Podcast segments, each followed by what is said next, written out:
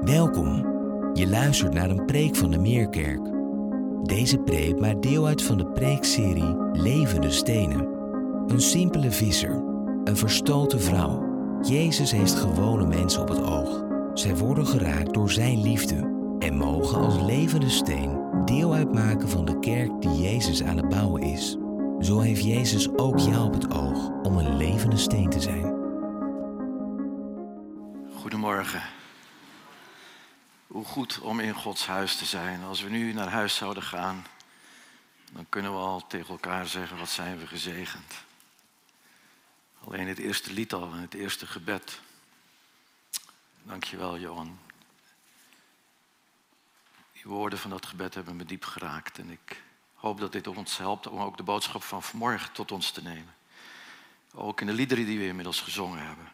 Wat is er al veel gedeeld over wie God is in Jezus Christus en wat Hij ons in Hem geschonken heeft. En mogen we dat steeds meer ontdekken. En dat is ook vanmorgen ons gebed voor de woordverkondiging. Wel, het is al gezegd, vanmorgen vervolgen we onze preekserie Levende Stenen. Afgelopen zondag keken we naar een tollenaar. Dat is een oud woord, een Bijbels woord, een inner van tol. Zoals je tolwegen hebt waar je iets moet betalen, was dat ook in die tijd. En die tollenaar heette Zacchaeus. En vandaag kijken we naar een visser. En daar kunnen we kiezen, hebben we ruime keuze, want Jezus koos veel van zijn eerste volgelingen die op dat moment visser waren. En vanmorgen kijken we naar een visser, Johannes. En we doen dit vanuit het Bijbelgedeelte, Johannes 21, het hele hoofdstuk, de laatste bladzijde van het Evangelie, geschreven ook door diezelfde Johannes, discipel en later apostel Johannes. En in het Evangelie schrijft hij wat hij als getuige mocht meemaken in die drie jaar dat hij samen met de andere elf discipelen Jezus mocht leren kennen.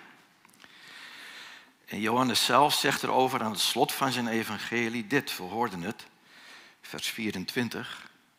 Het is deze leerling, hij noemt zijn naam niet, maar dat is Johannes. Het is deze leerling die over dit alles getuigenis aflegt en het ook heeft opgeschreven. Wij weten dat zijn getuigenis betrouwbaar is. Twee keer gebruikt Johannes hier het woord getuigenis. Marturia, dat zou later een woord worden ook van getuigen die zelfs hun leven wilden geven tijdens de christenvervolgingen. Daar komt ons woord martelaar ook vandaan. Twee keer dat woord getuigenis. Dat is een heel belangrijk woord voor Johannes. Daar eindigt hij het evangelie mee. Door dit twee keer te benadrukken. En een getuigenis dat betrouwbaar is. Waar je op kunt bouwen. We spreken vandaag over levende stenen. En ik ga aan het eind van de dienst nog even die tekening laten zien. Met die grote levende steen, de hoeksteen Jezus Christus. Daaromheen de eerste stenen van het fundament. En dat fundament, zegt Paulus later, is het fundament waar hij op mocht bouwen als apostel. En Johannes is een belangrijke apostel. Een levende steen in dat bouwwerk, in dat fundament. Dicht bij Jezus zou je kunnen zeggen. Dicht op de eerste laag bij de hoeksteen. Je zou kunnen zeggen dat als dat woord getuigenis een kernwoord is voor Johannes, dat dat zijn leven gekenmerkt heeft tot op hoge leeftijd. We hebben net iets gehoord over dat gesprek tussen Jezus en Petrus. En de, uh, waar Petrus zich vergelijkt met Johannes. En, en, dat er een gerucht was dat Johannes uh, zou leven totdat Jezus terugkwam. Nou, dat heeft Johannes willen rechtzetten, want dat had Jezus niet gezegd. Maar hij is wel heel erg oud geworden. Veel ouder dan Petrus en ook Paulus. En in die zin gaf dat ook voeding aan dat gerucht. Hij is tot ver in de negentig geworden, deze Johannes. En men dacht, zou het dan waar zijn dat hij de komst, de, werk, de wederkomst van Jezus nog nou, zal meemaken? Nou, we gaan straks aan het eind zien dat hij in zekere zin een bijzondere komst van Jezus heeft meegemaakt. Nu terug naar het woord getuigen. Van begin tot eind, op hoge leeftijd, kenmerkt dat zijn leven. Als hij later vanwege de vervolgingen van de Romeinse onderdrukker verbannen wordt naar het eiland Patmos, is het precies, zegt hij, om dit getuigenis van Jezus. Ik, Johannes, hier noemt hij zijn naam wel, ik, Johannes, uw broeder en deelgenoot in de verdrukkingen in het koninkrijk en de volharding in Jezus, was op het eiland genaamd Patmos om het woord van God en het getuigenis van Jezus. Daar heb je dat woord weer. Getuigenis. En als je Johannes gevraagd zou hebben, wat betekent het voor jou om een levende steen te zijn in het bouwwerk van Jezus Christus, waar hij dus mocht behoren tot het fundament dicht tegen Jezus, de hoeksteen aan, dan zou hij zeggen, denk ik, een levende steen is een getuige van Jezus. Nu, wat is een getuige? Mag ik eens vragen, wie heeft wel eens, is wel eens gevraagd om te getuigen, bijvoorbeeld bij een verkeersongeluk? Ik hoop niet een zeer ernstig ongeluk, maar stel dat de politie komt en die zegt, zijn er mensen die het gezien hebben? Mag ik nog eens kijken? Nou, dan zal de politieagent niet gevraagd hebben als er twee auto's waren die hopelijk misschien een kleine botsing maakten. Dat de, het eerste wat de politie vraagt, uh, ja, maar bent u wel een betrouwbare getuige? Want ik wil eerst weten of u zelf wel een autorijbewijs hebt, want anders heeft u geen verstand van auto's. Twee, heeft u ook een beetje gevoel voor verkeersregels? En uh, weet u hoe dat werkt in Nederland? Met andere woorden, zou hij eerst een soort examen afnemen of je wel kennis hebt van auto's en van richtingen en van verkeersregels en voorrangsregels en, en verkeersborden. En, en, en nee, want een getuige hoeft maar één ding te doen. Al zijn zintuigen die betrokken waren bij dat ongeluk, om die te laten proeven, ruiken, zien, horen, misschien wel aanraken of een trilling die hij voelde in de grond vanwege de klap. Hij hoeft alleen maar te vertellen wat hij persoonlijk heeft meegemaakt. Geen voorkennis over wat dan ook, alleen wat heb je gezien, wat heeft u gehoord? Was het een harde klap? Heeft u iets geroken? Was er brand of stond er een accu misschien in brand waardoor er iets gebeurd is? Nou, ik noem dat als een voorbeeld, een open deur natuurlijk. Maar wij denken wel eens dat als we getuigen van Jezus, dat we dan theologie gestudeerd moeten hebben. En dat we heel veel Bijbelkennis hebben om anderen te overtuigen van kennis. Maar nee, wij zijn geroepen om getuigen te zijn. Oh, er zijn mensen die een bediening hebben als bijbelleraar, als verkondiger. En, en, en ik, ik zou zeggen, lees de Bijbel. Of ik moet hem, ja, hij staat hier ook in en hij staat ook hierin. Maar laat ik hem gewoon ouderwets even omhoog houden. Eet die woorden, zoals een van de profeten zegt. Ik at uw woord. We zijn als, als Meerkerk een, een gemeente die de Bijbel als grondslag geeft. En waar we hopen dat er geen enkel stof op onze Bijbel ligt, omdat we hem dagelijks tot ons nemen. Nee, lees en studeer en doe alles wat je kan met Gods woord. Maar als daar niet naast is een getuigenis, zoals Johannes zei, om het woord van God, ja, maar ook juist om het getuigenis van Jezus, dan hebben we niet zoveel te vertellen eigenlijk dan alleen dat we preken naar mensen toe. En getuigen is niet preken. Als de politie vraagt van wat heeft u meegemaakt, hoef je ook niet te zeggen ja, maar ik vind dat die meneer zus of die meneer zo, of bij het oversteken of de, de lichten werkte niet. Nou, dat is dan wel getuigen. Maar nee. Afgelopen week hadden we een bijzondere avond, doopinformatieavond. En de doop is vaak een onderwerp. En die avond zeiden we met elkaar, zullen we het geen onderwerp maken van A, B, C, D, van jouw punten en 1, 2, 3, 4, mijn punten en dan in discussie gaan en alle kennis over de doop op tafel leggen en dan met elkaar daaruit proberen te komen. Nee, we zeiden de doop is geen onderwerp, de doop spreekt over overgave. Dat is waar de doop voor staat. Overgraven aan Jezus Christus. Met een begraven worden en mogen opstaan in een nieuw leven. Geen onderwerp, maar overgave en misschien wel als God het geeft door zijn geest. Geen onderwerp, maar onderwerping aan Jezus. die zijn leven gaf, opstond uit de dood. En dat gaan we vandaag ook zien. En nu de verheerlijkte Heer is. Nu Johannes getuigt daarvan. Niet alleen in zijn evangelie, maar ook in zijn drie brieven. En ook zullen we straks zien in het boek, het laatste Bijbelboek Openbaring. Die heet de Openbaring van Johannes. Een levende steen is een getuige van Jezus. En zo hebben we ook afgelopen zondag gezien Zacchaeus. Wat zal Zacchaeus veel te vertellen hebben over wat hij heeft meegemaakt met Jezus toen hij uit de boom geroepen werd. En die week daarvoor de zonderes uit Lucas 7. Wat zal zij veel te vertellen hebben gehad na die ontmoeting met Jezus die haar vrijzette. Ook zij werd een levende steen, een getuige van wat haar was overkomen in de ontmoeting en de bevrijding en de verlossing en de vergeving en de genade van Jezus Christus. En daarom, als een politieagent mag vragen, vertel wat heb je gehoord, gezien, meegemaakt, zouden we dat ook als levende stenen aan elkaar moeten kunnen doen. Wat heb ik, wat heb ik u, wat heb jij meegemaakt met Jezus? En dan gaan we vaak terug naar dat moment van die eerste ontmoeting, wat we mogen aanduiden soms als onze bekering. Sommige mensen is het heel geleidelijk, andere mensen is het een heel ingrijpend, dramatisch proces geweest, een moment in de tijd. Maar daar begon het. We mogen elkaar ook vragen, hoe is het deze week geweest? Wat heb je meegemaakt met Jezus en Jezus met jou? Dat deden we vanmorgen in onze voorbereiding om half tien hiernaast in de ruimte van onze meerkids als team. En mensen vertelden iets over hun werk, wat ze hadden meegemaakt in hun professie. En dat ze daar Jezus ervaren hadden in een moeilijke week. Zeker voor hen die in het onderwijs werkzaam zijn.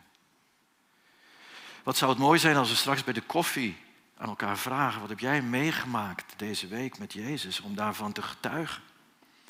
Is ook een van de redenen van onze bidstond. Dat we bij elkaar komen en zeggen: de ene week bidden we voor de week en in het bijzonder de zondag die gaat komen. Dan moeten we die week erop op donderdagavond ook terugblikken en met elkaar delen het getuigenis. Wat heeft de Heer in die week gedaan? En we zien al uit naar aanstaande donderdag de bidstond. Want de laatste donderdag hebben we gebeden voor het Alpha Weekend. En nu Aanstaande donderdag zullen we de terugkoppeling krijgen. Wat God gedaan heeft. Onder andere door genade met die gebeden die hij op ons hart geeft. Waar hij zelf al lang mee bezig is. Om de harten te raken van hen die in de cursus deelnemen. Nu terug naar ons Bijbelgedeelte. Vandaag kijken we naar het leven van een visser, Johannes. En leren wat hij meemaakte. En ik bid dat we in deze preekserie ook onze eigen naam mogen invullen. Niet alleen Zacchaeus, een tollenaar. Johannes, een visser, maar ook Peter, Petra, Wichelen, een puntje, puntje, puntje, puntje. En dan mag jij zelf weten hoe je je leven kenmerkt. En misschien denk je dan terug aan de tijd dat Jezus jou riep tot zichzelf. Ik was een soort hippie, je zou kunnen zeggen. Wichelen, een hippie, werd een levende steen, een getuige van Jezus.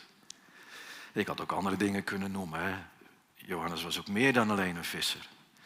En Zacchaeus was meer dan een tollenaar. Maar als we de Bijbel hem dan bezig zien, dan zeggen we ja, Zacchaeus, dat was die tollenaar. En in het geval van Johannes is het veel meer wat we over hem kunnen zeggen. Maar vanmorgen een visser, want daar begint het verhaal wat we net gelezen hebben. Maar nu zul je misschien direct denken, ja, maar ik mag me vanmorgen toch niet meten aan Johannes Wichelen. Ik ben maar. En dan komen jouw puntje, puntje, puntje, puntje. Wel, we hebben goed nieuws voor elkaar. De evangeliën zijn een galerij van de ik ben maars van mannen en vrouwen. Echter, achter al die puntjes van die invulling stond geen uitroepteken. Al die ik ben maars zijn voor Jezus een springplank geworden, zou je kunnen zeggen. In het Engels een stepping stone, als we het over levende stenen hebben.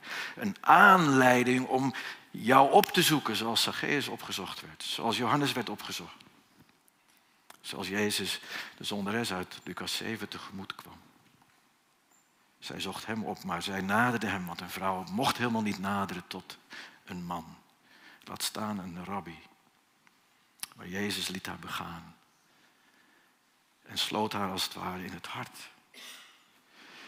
Dat was nog op de puntjes van wie zij toen was.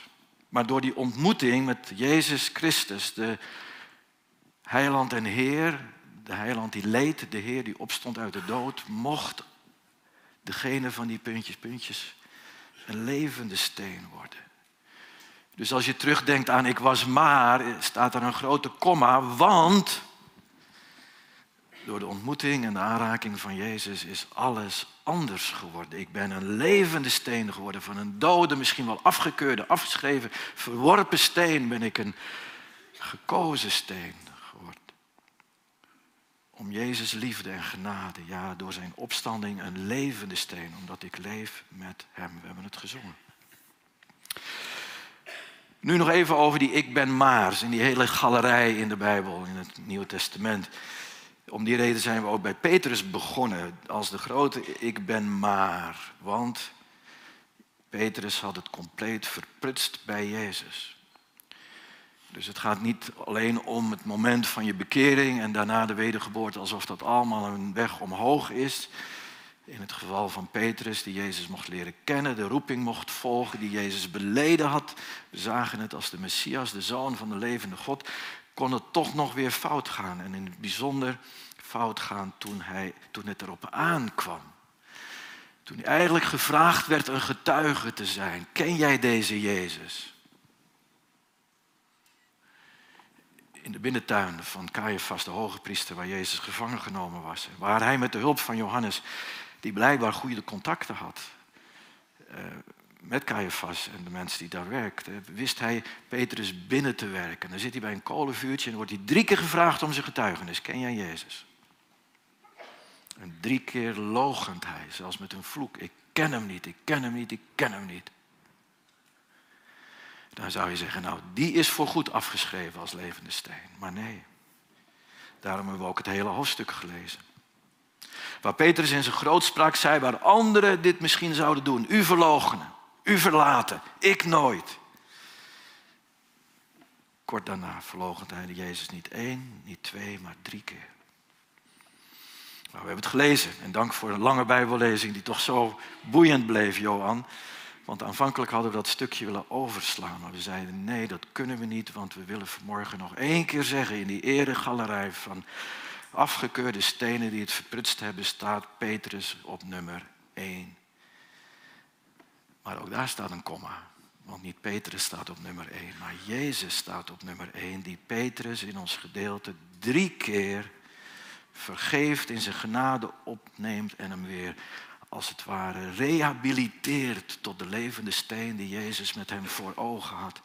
In het herder zijn en hoeden van de kudde van uh, God, de kerk van Jezus Christus. Daarom, wie je ook bent, wat je ik ben maar ook is, in welke fase van je geloof ook. Sommigen zullen zeggen, ja, ik heb het al zo vaak herhaaldelijk verprutst. Daarom ook vanmorgen dat prachtige woord, weer uit Johannes, 1 Johannes 1, vers 9. Indien wij onze zonden beleiden, hij is getrouw en rechtvaardig om ons de zonde te vergeven en te reinigen van alle ongerechtigheid. We mogen altijd weer teruggaan. Ook al lijkt onze levende steen één grote aanfluiting geworden. En dat alles door Gods genade. En degene die, denk ik, daar misschien wel een toonvoorbeeld van is, die getuigt over die genade en die liefde en die oprichting, is het die andere visser. Niet Petrus, maar Johannes. En waar Petrus naam zo vaak voorkomen, zijn stem zo vaak horen, waar hij zo vaak de spring in het veld is, haantje de voorste. Daar is Johannes heel bescheiden. Johannes is een man stil, maar met diepe gronden. En dat zullen we vanmorgen zien. Hij is zo bescheiden dat hij zijn eigen naam niet noemt in het evangelie dat hij schrijft. Hij beschrijft zich daarentegen consequent op twee manieren. En daar willen we naar kijken om iets van te leren vanmorgen. En het eerste wat we mogen leren in het feit dat hij dus niet zijn eigen naam gebruikt, maar ja, je zou kunnen zeggen, een beschrijving, Straks zullen we nog een tweede zien als een soort pseudoniem, als een schuilnaam. We gaan naar twee van die gevallen kijken, in, die, die, die, dat voorkomen in ons Bijbelgedeelte. De eerste les is dat hij zich beschrijft. En zijn eerste beschrijving is zoon van Zebedeus. Die beschrijving zien we vaker in het evangelie en vooral als er gerefereerd wordt naar hem en zijn broer Jacobus. Johannes beschrijft zichzelf als samen zijn als de zonen van Zebedeus. Een soort duo. Zo ook in ons Bijbelgedeelte. Vers 1, Johannes 21. Hierna verscheen Jezus weer aan de leerlingen, nu bij het meer van Tiberias. En dat gebeurde als volgt. Bij het meer waren Simon Petrus, Thomas, Nathanael, de zonen van Zebedeus en nog twee andere leerlingen. Naast de bescheidenheid is het ook wel goed dat hier iemand gerefereerd wordt. En natuurlijk in die tijd was dat heel veel, dat je genoemd werd naar je vader. Als je Jansen heet, was dat ook ooit in je voorgeslacht dat er iemand was die Jan heette. Dus het is ook in onze cultuur gewoon om genoemd te worden naar uh, je vader of je moeder of je grootvader, grootmoeder. Maar hier is het wel, als je daar tussen de regels doorleest, dat hij niet zijn eigen naam wil noemen, maar eigenlijk ja, het gezin waartoe hij behoorde, zit, zit er ook een prachtig beeld in wat we vanmorgen als les tot ons mogen nemen. Namelijk dat elke levende steen een afkomst heeft. Ja, dat lijkt een open deur, maar het is goed om dat te benadrukken vanmorgen. We zijn allemaal geboren als mensen van vlees en bloed, als mens onder mensen. Johannes had een vader en ook een moeder. En zo ook Zacchaeus en de zonderes, of ze met die moeder zijn opgegroeid of niet. Maar ze zijn allemaal geboren uit vlees en bloed, uit een mens, uit man en vrouw zou je kunnen zeggen. En van Johannes weten we ook dat hij niet enigst kind was, want hij heeft een broer, Jacobus. Het zijn de zonen van Zebedeus. En ze worden vaak in één adem genoemd. Terwijl het toch twee persoonlijkheden waren. En misschien ken je dat ook wel, dat er altijd vergeleken wordt Misschien wel door diezelfde vader of moeder van ja, ik heb één zoon en, en nog een ander, maar ik praat liever over die ene, want die andere. Het is ook heel bijzonder dat het verhaal van de verloren zoon, daar hebben we ook twee broers in één gezin. Misschien waren er wel spanningen tussen die twee, tussen Jacobus en Johannes. En dat maakt allemaal wie we zijn en waar Jezus ons roept in de staat waarin we verkeren. Als je als één, in één adem genoemd wordt met Zebedeus en, en, en je blijkt ook alle twee visser te zijn en het lijkt ook dat het beroep van de vader visser was, van Zebedeus, dan werd ook misschien wel over dat gezin gezegd, de appel valt niet ver van de boom. En dat brengt ook weer verwachtingen. Detail, ook de moeder van de broers van Jacobus en Johannes wordt in de Bijbel genoemd. Zij heeft grote ambities voor haar zonen en lobbyt met haar doel voor de ambities van haar zonen, haar oogappels. Ze lobbyt met dat doel bij Jezus. Nieuwsgierig lees vanmiddag Preek de Week Plus. Waarom over hierover uitgeweid? Om te onderstrepen dat we allemaal een aardse afkomst hebben en opgroeien in een bepaalde context. En die context heeft plussen en minnen. En de plussen zijn mooi en vreugde en geven blijdschap, maar de minnen kunnen heel veel pijn en verdriet en misschien wel verwerping en afkeuring geven. Vandaag zouden we zeggen, we hebben allemaal een rugzak. Een rugzak. En ene een hele grote en zware. Maar allemaal nemen we iets mee vanuit ons, onze afkomst, ons opgroeien, onze opvoeding, wat die opvoeding wel of niet geweest is. We zijn allemaal mens onder mensen. En het is goed dat vanmorgen te benadrukken. Als visser, als zoon van Zebedeus roept Jezus Johannes als mens van voorgeslacht van vlees en bloed en ook mens onder mensen van vlees en bloed. Dus Jezus weet ook wat ons rugzakje is.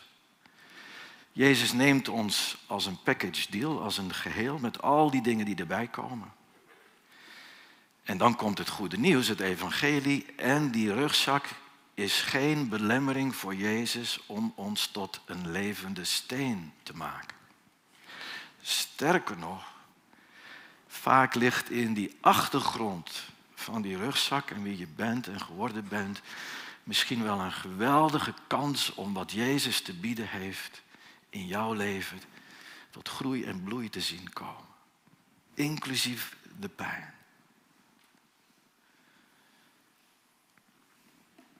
Een vriend van ons, Dan Ellender, heeft hier ook wel eens gesproken, heeft een boek geschreven, To Be Told. Om te vertellen, anders gezegd om te getuigen. En hij is christen, hij is theoloog, hij is bijbelleer, maar ook doet hij veel aan mensen die met trauma te maken hebben. En dan zegt hij, je kunt aan je trauma, aan je rugzak een punt zetten en daarin blijven steken. Of je kan Jezus uitnodigen en hem zijn werk te laten doen. Waarvoor hij aan een kruis gehangen heeft en waarvoor hij opstond uit de dood. En als je er geen punt achter zet, maar een komma en Jezus je werk gaat laten doen, dan heb je een verhaal om te vertellen. En daarom heet het boek ook To Be Told. Om getuige te zijn van wat Jezus in een mensenleven kan doen, ongeacht de rugzak. Dus voor Jezus maakt het geen verschil wie je bent en wat je rugzak is en wat je ik ben maar ook mogen zijn. Want het gaat niet om jou, het gaat om Jezus. En wat Hij van ons kan maken. In dit geval in de beeldspraak van de steen, een levende steen. En daarom, hoe zit dat met ons? Als Johannes een getuige is als levende steen van Gods liefde en Gods genade en waarheid, vergeving, redding, van het nieuwe leven dat God hem geschonken heeft in Christus. Hoe zit het met ons? Durven wij ons leven toe te vertrouwen zoals het is aan Jezus? Mag Hij die last overnemen, die rugzak? Mag Hij ons aanraken, redden, verlossen? Mogen we worden net als Johannes. die alleen eigenlijk over Jezus spreekt. En om zichzelf toch ergens te positioneren op de kaart zegt, ja, ik ben de zoon van Zebedeus. Maar nu, want er staat een komma, nu wil ik het over Jezus hebben. En dat is het tweede punt van vanmorgen. Het tweede punt waar Johannes over spreekt, nadat hij gezegd heeft, zijn afkomst, zijn rugzak, zijn alles, wat verwoord is in ik ben de zoon van, gaat hij spreken over wie Jezus is. En dat is ons tweede punt vanmorgen. En zo willen we hem eigenlijk kennen en steeds beter leren kennen. Want hij getuigt van de liefde die hij ontvangen heeft toen hij Jezus Christus heeft mogen leren kennen. En de beschrijving waarmee hij dat doet, zou je kunnen noemen, is een pseudoniem, een schuilnaam, omdat hij zijn eigen naam niet wil noemen. Wat is een pseudoniem? Een pseudoniem is dat je in een andere naam je eigen naam geen aandacht wil geven. En dan zegt Johannes eigenlijk, het mag dan de zoon van Zebedeus zijn, maar daar staat een grote komma. Als ik me nu moet identificeren, sinds de ontmoeting met Jezus, dan ben ik een discipel die door Jezus geliefd en bemind is. En zo lazen we ook in vers 7 en vers 20 in ons gedeelte. De leerling van wie Jezus hield, zei tegen Petrus. Toen Petrus zich omdraaide, zag hij dat de leerling van wie Jezus hield hen volgde. En hier wordt de liefde van Jezus bedoeld. Soms is het een beetje moeilijk. In sommige vertalingen is het nu dat, dat Johannes een grote liefde voor Jezus had. Nee, het is de liefde van Jezus waar hij van wil getuigen. En zo noemt hij zichzelf dan ook. Ik ben degene die het voorwerp is van Jezus' liefde. Ik ben geen lieveling. Hij heeft ook geen voorkeur voor mij in die zin. Maar ik denk dat Johannes een ontvankelijk hart had voor die liefde. En dat is belangrijk. Hebben wij een ontvankelijk hart? We zingen het vaak, ons lied, maak ons hart goede grond. Als uw zaad daarin valt, dat het ontvankelijk is. Wel, Johannes was een man met een zeer ontvankelijk hart. Dus hij had maar een half woord nodig voor de liefde van Jezus om zijn hart harder te laten kloppen. En zo getuigt hij van die onvoorwaardelijke liefde die Gods agape soms genoemd wordt in Jezus Christus. En hij herkende het, hij omarmde het. Het werd zijn leven. Dit was de liefde van zijn leven, zou je kunnen zeggen. Want hij spreekt zo vaak over liefde en leven. En die twee zijn één voor Johannes. Hoor wat hij erover zegt in de eerste Johannesbrief.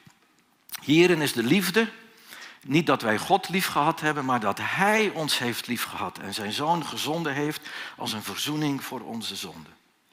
Wij hebben lief omdat Hij ons eerst heeft lief gehad.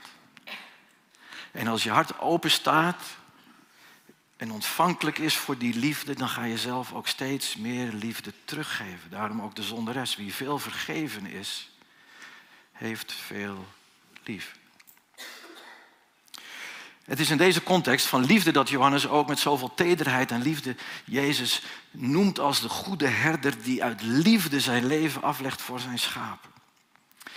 Ik moet denken daarbij aan herder Thomas, die ook hier wel eens in de Meerkerk is geweest. Ik heb hem ooit leren kennen omdat ik met hem een televisieprogramma mocht maken, Nederland zingt. En ik een dag mocht optrekken met hem. Dit is Thomas. En overal waar wij gingen, en hij heeft heel veel verteld over herder zijn, maar ook over schaap zijn. Overal waar we gingen, die hele dag dat we met elkaar optrokken, was er één schaap dat steeds naast Thomas liep, hem steeds opzocht, niet van zijn zij kon wijken. Greta heette ze. Toen Thomas me daarop wees en ik Greta in de gaten hield, moest ik eerst kijken wie is nou Greta, maar op een gegeven moment had ik het door. Waarvoor, voor, dat was voor een herder natuurlijk, die, die, ja, de herder kent zijn schapen. Dus, eh, en Thomas hield me soms, ik zeg, eh, dit is nog steeds Greta? Ja, dat is nog steeds Greta. Elke keer was ze onafscheidelijk aan Thomas' zijde. En als hij stil stond, dan drukte ze haar kop tegen hem aan. Wat een prachtig beeld, dat is het beeld van Johannes, die ons in dit Bijbelgedeelte ook genoemd wordt. Vers 20b. De leerling die zich tijdens de maaltijd naar Jezus toegebogen had om te vragen wie het was die hem zou uitleveren. Het gaat terug naar uh, Johannes 13, uh, eh, de gesprekken en de situatie rond het avondmaal, het laatste avondmaal. Waar we lezen dat Johannes aan de boezem, aan het hart van Jezus aanlag. Dat is wat het woord toegebogen in de NBV 21 is. Als je oudere vertalingen ziet, dan is het de boezem, de borst. Hij lag aan aan Jezus. Hij wilde Jezus ten volle leren kennen. Je zou kunnen zeggen, hij wilde zijn hartslag kennen. Aan het begin van het evangelie, Johannes 1 schrijft eh, Johannes ook, niemand heeft ooit God gezien, maar de enige zoon die zelf God is, die aan de boezem, aan het hart van de Vader rust, heeft hem doen kennen. Dat is een getuigenis, het begin van het evangelie van Johannes. En Johannes moet gedacht hebben, als ik bij Jezus mag komen en Jezus, wie, wie hem kent, kent de Vader en Jezus heeft aan de boezem van de Vader gelegen, dan wil ik aan de boezem van Jezus liggen. En zo leerde hij rusten zoals Jezus rustte aan de boezem van de Vader. Hij aan het hart van God. Hoe is dat met ons? Willen wij Jezus hartslag leren kennen? We hebben het wel eens over stille tijd. Dat is heel belangrijk. Bijbellezen is belangrijk. Bidden is belangrijk. Is heel veel belangrijk in stille tijd. Maar kunnen we zo stil worden dat we de hartslag van Jezus horen? Door heel dicht bij Hem te zijn. Door Hem te aanschouwen en stil te worden van wie Hij is.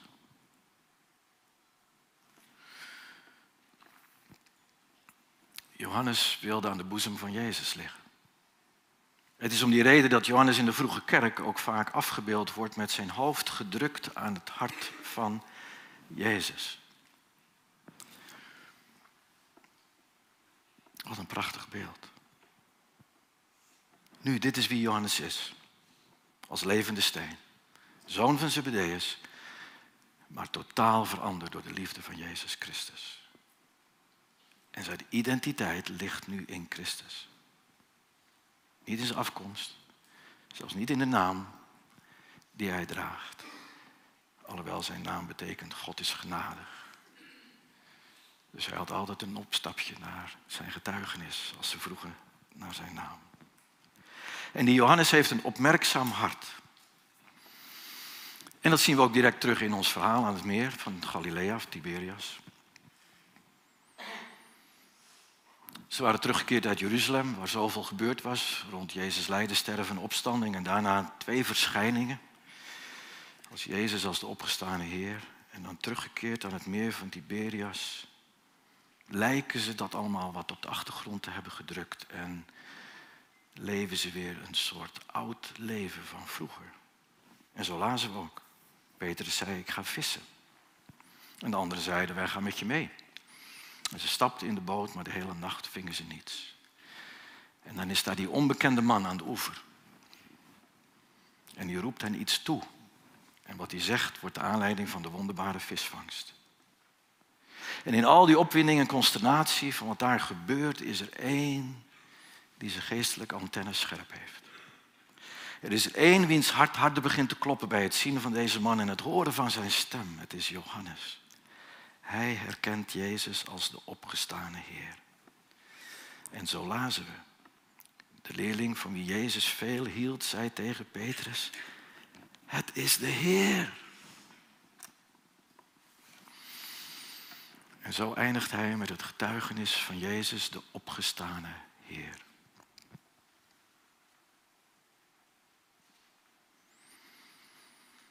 Levende steen getuigt van Jezus lijden en sterven, maar ook heel in het bijzonder van zijn opstanding. Hij leeft. Daarom begonnen we ook ons lied vanmorgen. Omdat hij leeft. Daarom heten we ook levende stenen. Geen dode stenen, maar levende stenen. En dan zouden we hier een punt zetten. Kunnen zetten, want dit is het einde van het hoofdstuk. Maar ik ga nog twee minuten door als dat mag. Want dit is niet het einde van Johannes' getuigenis. Over zijn ontmoetingen van toen. Jezus, drie jaar op aarde, lijden, sterven, opstanding. Nee, er komt nog één ontmoeting en dat is misschien wel de grootste ontmoeting uit zijn leven. En misschien heeft Jezus wel Johannes gekozen omdat hij zo'n opmerkzaam hart had. Bij jou kan ik deze boodschap kwijt. En dat is de boodschap, ja, de ontmoeting van Jezus Christus, die neerdaalt op het eiland Patmos om daar de verbannen Johannes te bemoedigen. En dat te midden van verdrukking, waar Rome de dienst uitmaakte. Waar Rome zei het is over met christenen, verbannen en later gingen ze voor de leeuwen als martelaren. En dan komt Jezus als de eens leidende knecht des Heren, de opgestane Heer, maar nu als de verheerlijkte Heer. Van de, verlaat hij de troon van God om Johannes een blik te werpen, een blik te gunnen in wie uiteindelijk de touwtjes in handen heeft. Wat we ook om ons heen zien in het wereldgewoel, ook vandaag. En dat is niet de keizer die dacht alleen heerser te zijn. Het is Jezus Christus in zijn hemelse luister. De werkelijke alleenheerser, de pantocrator staat er in het Grieks. De almachtige, de heerser over alle dingen, de alfa en de omega. Hij die is en die was en die komt en aan wie alles onderworpen zal worden. Dat is het laatste getuigenis wat Johannes mag doorgeven in een heel boek, het laatste boek van de Bijbel. Dat maakt dat Johannes een bijzondere plek inneemt als levende steen met een zeer rijk getuigenis. Ik beloofde de tekening van de hoeksteen. En denk nog even aan het beeld van Thomas en Greta en het beeld van de borst waar Johannes aan ligt. Wij als levende stenen. Wat moeten we dicht bij de hoeksteen blijven, Jezus. En de apostelen waren dicht bij hem. Misschien is die eerste steen wel tegen de hoeksteen aan Johannes. Daarom hebben we het Bijbels getuigenis van de apostelen ook zo nodig, die het fundament zijn. Maar ook wij die erop mogen bouwen, wat hebben elkaar nodig om altijd elkaar te wijzen op die hoeksteen. Ons gebouw zou niets zijn zonder de hoeksteen. Ons leven zou niets zijn zonder de hoeksteen. En onze toekomst zou niets zijn, waren het niet. Dat Jezus getuigt, ik zal terugkomen op de wolken. En dan eindigt het boek Johannes in de openbaring. Maranatha, Heer, kom spoedig. Dat is het getuigenis wat Johannes nalaat. De opgestane Heer aan het meer, maar de verheerlijkte Heer die hem tegemoet kwam op Patmos. En die ons ook tegemoet komt vandaag in alles wat er woelt op het wereldtoneel. Laten we bidden.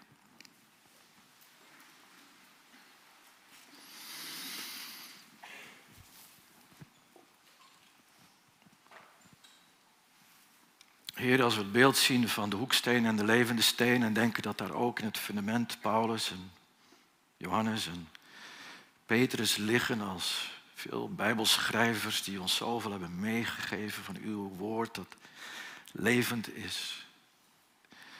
Dan willen we dicht kruipen naar u, maar ook kruipen naar elkaar. En dan zien we vanmorgen hoe belangrijk het is dat we geen solo levende stenen zijn, maar een gemeenschap, een bouwwerk, een tempel, een lichaam wat gebouwd wordt door u.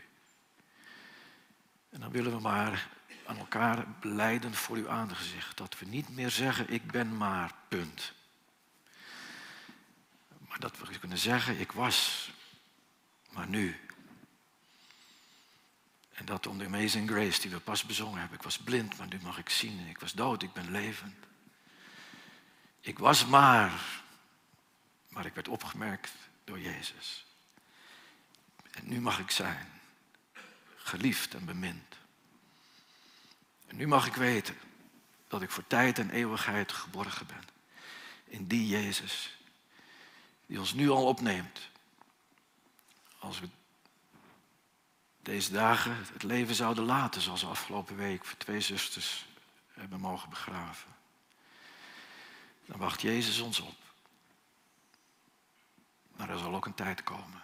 En misschien wel spoedig dat hij terugkomt. Omdat hij het niet langer kan aanzien hoe de wereld kapot dreigt te gaan en we daarmee elkaar kapot maken. En hij ingrijpt zoals hij beloofde en liet zien aan Johannes.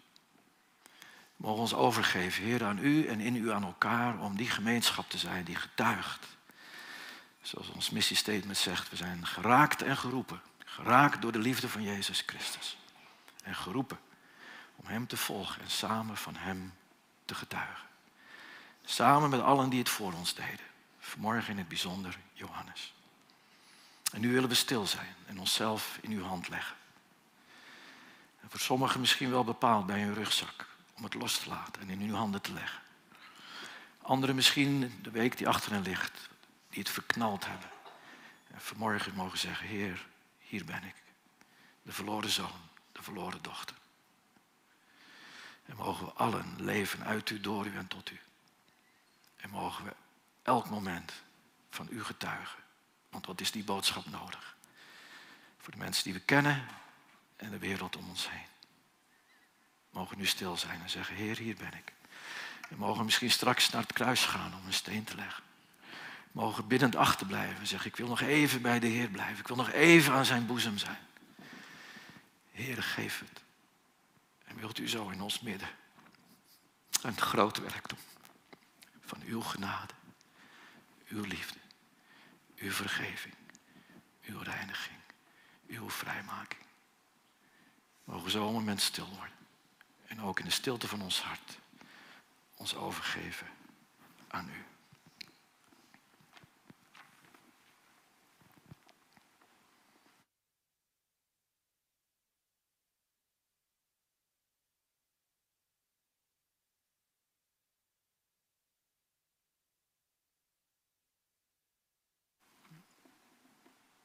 Dank u wel, Heer,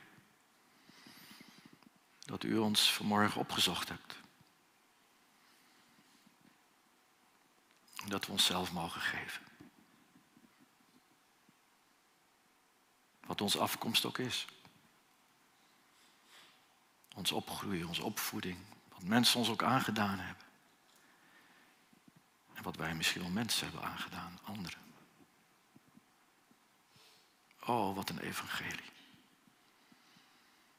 uw liefde in Jezus Christus. Zijn leven gegeven voor de verzoening van onze zonden. En zo, Heer, neem ons. En daar willen we ook met elkaar van zingen. En ik wil vragen of de muziekgroep naar voren komt. Dan kan ik nog iets zeggen over het lied. Als we gezegd hebben, vul de puntjes in, Peter, Petra, Wichelen. Dan mogen we onszelf geven. Want het lied zegt al wat ik ben, leg ik in uw hand. Ik geef mijzelf volledig. Mijn leven rust in de palm van uw hand. Ik ben van u voor eeuwig. En dit is ons getuigenis. Jezus, ik geloof in u. Jezus, ik vertrouw op u. En de reden dat ik leef, de reden dat ik zing, bent u alleen. En zo wandel ik heel dicht aan uw zij, aan uw boezem. Ook in mijn pijn vertroost u mij. En ik vertrouw op wat u belooft. Uw woord staat vast. Voor eeuwig. Voor eeuwig. Dank u dat dit ons alles bereid is in Jezus Christus, de Alpha en de Omega. Dank u wel, Heer Jezus. Opgestane en verheerlijkte Heer. We loven en prijzen u. Amen.